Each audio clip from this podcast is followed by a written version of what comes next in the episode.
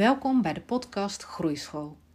Mijn naam is Chantal Mailly, ik ben logopedist en ik vind het ontzettend leuk dat je weer luistert naar mijn podcast, waarin ik waardevolle inzichten deel over het stimuleren van de taalontwikkeling bij kinderen en ik je tips geef over hoe je hun zelfvertrouwen kunt vergroten. Super dat je deze podcast luistert, de podcast over TOS en weerbaarheid. En dat is dus hoe hou je je staande in een groep ten opzichte van andere kinderen?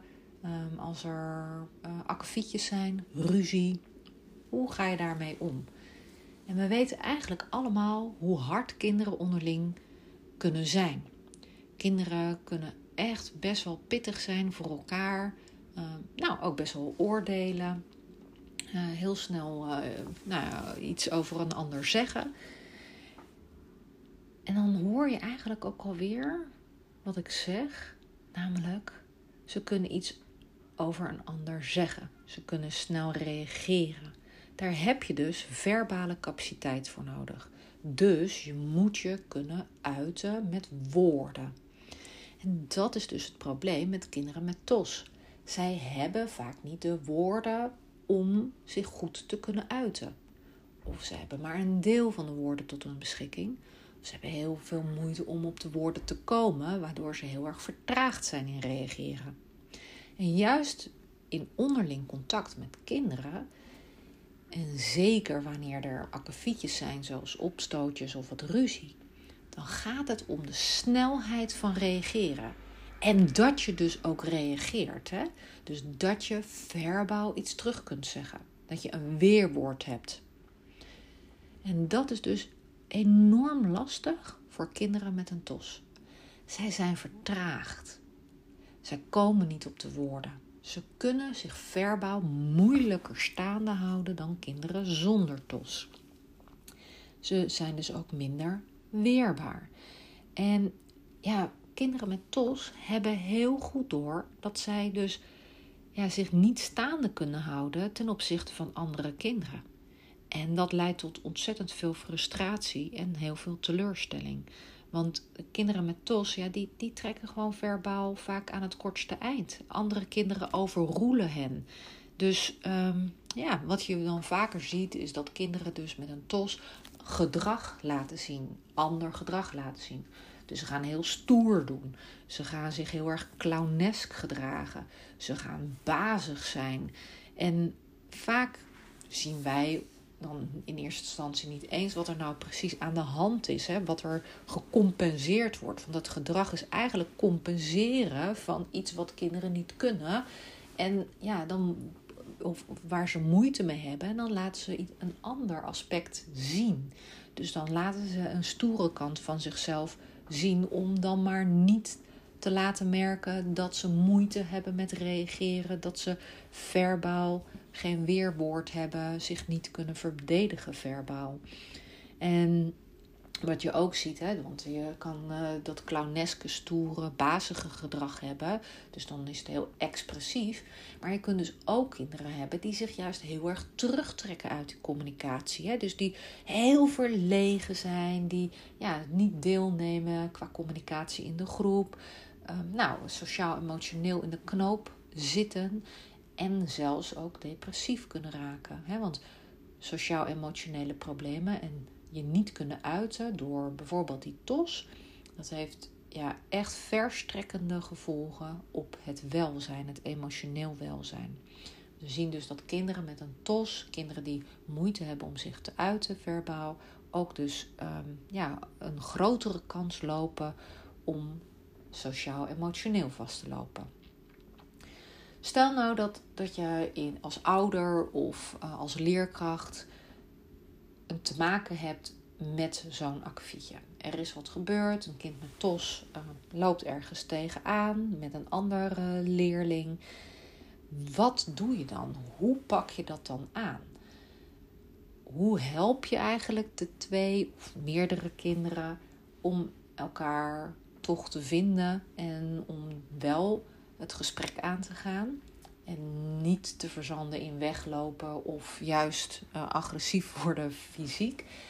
Um, hoe help je ze? Nou, sowieso is het belangrijk om de helikopterview te houden. dus dat we goed weten van wat is er nou precies gebeurd. Um, hoe heeft de een zich gedragen? Hoe heeft de ander zich gedragen?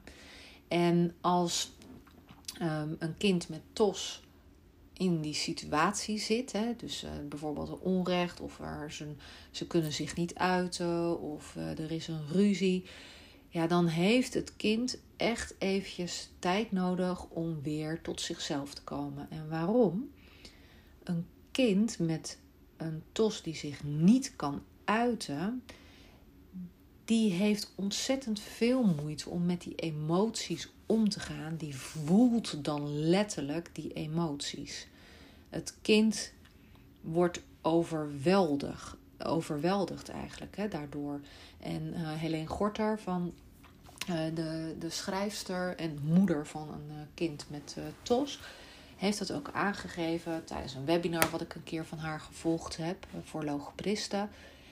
Dat kinderen met TOS, omdat ze de woorden dus niet hebben voor een emotie, dus ze kunnen niet benoemen, nou ik ben boos. Um, ze hebben daar geen woorden voor, dus zijn ze die emotie. Dus in elke vezel van hun lichaam zijn ze op dat moment gewoon boos. En ja, als er dus net zoiets gebeurd is, kan je dus wel het gesprek aangaan met een leerling met TOS of een kind met TOS. Maar dat heeft geen zin, want die zit zo enorm in zijn of haar emotie dat het daardoor dus eigenlijk niet bereikbaar is. Het is even niet bereikbaar. Dus geef even een kind de tijd om tot zichzelf te komen, om tot rust te komen, het hoofd weer even leeg te maken, die emotie weer even onder controle te, uh, te krijgen of de, het, het zeren ervan af te halen. En dan vervolgens helpen om uh, nou, zich te uiten. En dat begint met tijd geven. Dus geef een kind de tijd om te vertellen wat er is gebeurd. Om zijn of haar kant van het verhaal te vertellen. vaak zijn we geneigd om dan de, uh, vooral te luisteren naar de kant van degene die verbaal heel snel reageert en maar eventjes vertelt hoe het allemaal gegaan en verlopen is. Maar we hebben ook geleerd dat je altijd hoor-wederhoor moet toepassen. En dat vergeten we wel eens bij kinderen met TOS, omdat ze dus niet zo snel zijn en omdat ze dus veel moeite hebben met het verwoorden. Dus daardoor wordt onze bril al meer gekleurd. Dus probeer je echt te baseren op de feiten en probeer niet alleen het verhaal aan te horen van degene die verbaal sterker is, maar ook het verhaal aan te horen van, de, van, van het kind met TOS. En dan is het belangrijk dat je rust uitstraalt, dat je vertrouwen uitstraalt, zodat het kind voelt van hé, hey, ik word serieus genomen, er wordt naar me geluisterd, ik mag mijn verhaal vertellen, het, hè, ik krijg ook mijn ruimte. En nou, wanneer het in een groep is, kun je eh, ook de andere meningen, dus niet alleen van de camphanen, maar ook van de andere kinderen die erbij waren, die het hebben gezien, dat je dat meeneemt, dat je dat samen bespreekt. En uh, dan help je ook een kind met TOS door. Hè, een kind met TOS gaat dan ook naar die andere kinderen luisteren en kan aanvullen waar nodig. Dus dan maak je ook weer een wat veiligere situatie voor het kind met TOS. Wat je vervolgens kan doen is echt de situatie benoemen. Uh, vertel ook welke gevoelens je denkt te zien bij een leerling met TOS. Mm, dus geef ook altijd, van, nou, eh, geef altijd aan van, nou ja, ik denk of het lijkt dat je boos bent. Hoe komt dat? In plaats van ik zie dat je, of ik zie dat je boos bent of je bent boos. Er zit zo'n oordeel aan vast en dan lijkt het al zo vast te staan, terwijl dat je dat helemaal niet kan weten. Dus je interpreteert signalen en je geeft het terug. En je checkt of dat klopt. En zo help je ook het kind van nee, dit klopt wel, dit klopt niet. Uh, zo help je ze ook om woorden te geven aan gevoelens, want ze kunnen het dan bevestigen of ontkennen. En je bespreekt de situatie. Hoe is de situatie ontstaan? Wat is er precies gebeurd? Begin eens bij het begin. Waar begon het mee? En dan zo stapje voor stapje tot de kern proberen te komen. Van waar is het begonnen? Hoe is het uiteindelijk geëindigd? En door het te bespreken geef je dus ook een kind meer inzicht in de situatie. Je geeft eigenlijk iets terug, waardoor ze dus beter kunnen reflecteren, ook op hun eigen handelen. En je geeft er woorden aan. Dus op die manier wordt een kind met TOS echt gesteund, doordat ze zich gehoord voelen. Maar je steunt ook door ze de woorden aan te bieden en daardoor mee, daarmee de woordenschat eigenlijk te vergroten. Ja, dat is eigenlijk wat, uh, wat het belangrijkste is. Um, wat ook belangrijk is, is dat je de omgeving informeert. Dus de kinderen uit de klas, ja, die mogen echt wel op de hoogte zijn van wat er met het kind met TOS aan de hand is. Waar loopt het kind met TOS tegenaan? Wat vindt hij of zij moeilijk? En hoe kunnen zij helpen? Want voor kinderen, wat ik net ook zei, kinderen kunnen heel snel oordelen, maar dat komt ook vanuit onwetendheid. Dus je mag hen ook meenemen in van, bespreken van waar bepaald gedrag vandaan komt. Waarom wordt Pietje ineens heel erg boos? Ja, dat kan komen doordat hij de woorden niet heeft om zichzelf duidelijk te maken, waardoor hij heel erg gefrustreerd raakt. En zo kweek je ook meer begrip bij de klasgenoten, waardoor zij ook in situaties waarin het nou echt op kan lopen, ook al eerder leren om met een situatie om te gaan, maar ook het gedrag leren interpreteren van een leerling met TOS, die bijvoorbeeld ineens enorm ontvlamt of zich echt enorm terugtrekt. Terug, ja, want dan weten de kinderen, oh ja, maar dat komt daar en daardoor. Hoe kan ik diegene dan helpen? En kinderen zijn daar echt toe in staat, maar het moet hen wel geleerd worden. Dus daar heb je als ouder zijnde en als leerkracht zijnde heb je daar een hele belangrijke taak eh, in, een hele belangrijke rol in, dat je ook informeert. Want als kinderen niet weten wat er aan de hand is, dan kunnen ze veel harder zijn en veel minder meevoelend dan wanneer ze weten wat er aan de hand is dan eh, kunnen kinderen echt begrip op uh, wekken en een begrip tonen. En kunnen ze echt kinderen gaan helpen. Dat zie je ook bij kinderen met dyslexie. Dat zie je ook in, bij kinderen met autisme bijvoorbeeld. Zodra er bekend is en zodra kinderen weten hoe een kind reageert en waarom een kind zo reageert, dan kunnen ze daar echt wel een rol in spelen. Kunnen ze echt de leerling ook helpen op hun manier. Maar dat is ook een manier. En daardoor escaleert het minder snel dan wanneer het allemaal maar een beetje verzwegen wordt, wanneer het niet benoemd wordt. Want wanneer je het niet weet, kan je ook geen begrip tonen.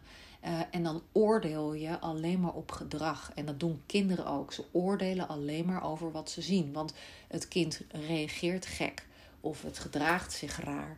Maar ook kinderen kunnen, net als volwassenen, zodra ze weten waardoor het komt, veel meer begrip tonen en veel beter meevoelen met het kind. Dus situaties bespreekbaar maken, emoties bespreekbaar maken, kind met TOS echt even de tijd en ruimte geven, maar wel laten zien: hey, ik heb je gezien, ik eh, laat je eventjes tot rust komen en dan komen we erop terug. En uh, dus het bespreekbaar maken in de groep met de omgeving, zodat er echt meer begrip getoond kan worden. En dat anderen ook jouw kind of jouw leerling met TOS veel beter kunnen helpen. Ik hoop dat je er iets aan hebt. Ik hoop dat je, dat je nou, op een andere manier ook naar bijvoorbeeld akkefietjes gaat kijken. Het is echt geen onwil van een leerling met TOS. Uh, wanneer het bepaald gedrag laat zien en zeker negatief gedrag laat zien Zodra ze negatief gedrag laten zien, dan is dat een roep om aandacht, een uitnodiging tot hulp. Dus ik hoop dat je jouw leerling, ik hoop dat je jouw kind heel vaak mag helpen en mag laten groeien. Heel veel succes!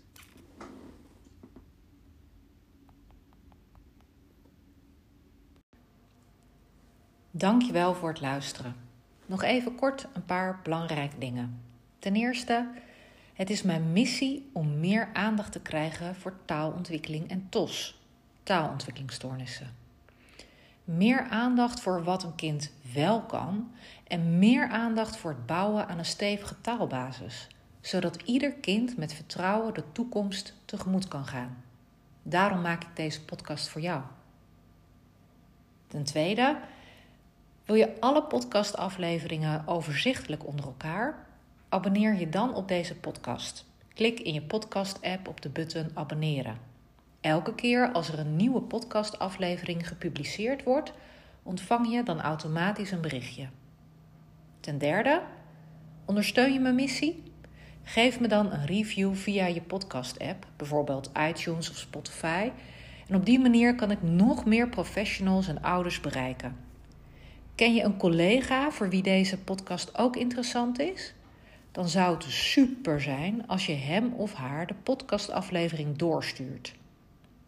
Ik vind het ook altijd superleuk om berichtjes te ontvangen van luisteraars om te horen wat je van de podcast vindt of als je vragen of suggesties hebt. Stuur me maar een berichtje naar chantal.groeischool.nl of stuur me een connectieverzoek op LinkedIn. Bedankt voor het luisteren en tot de volgende aflevering.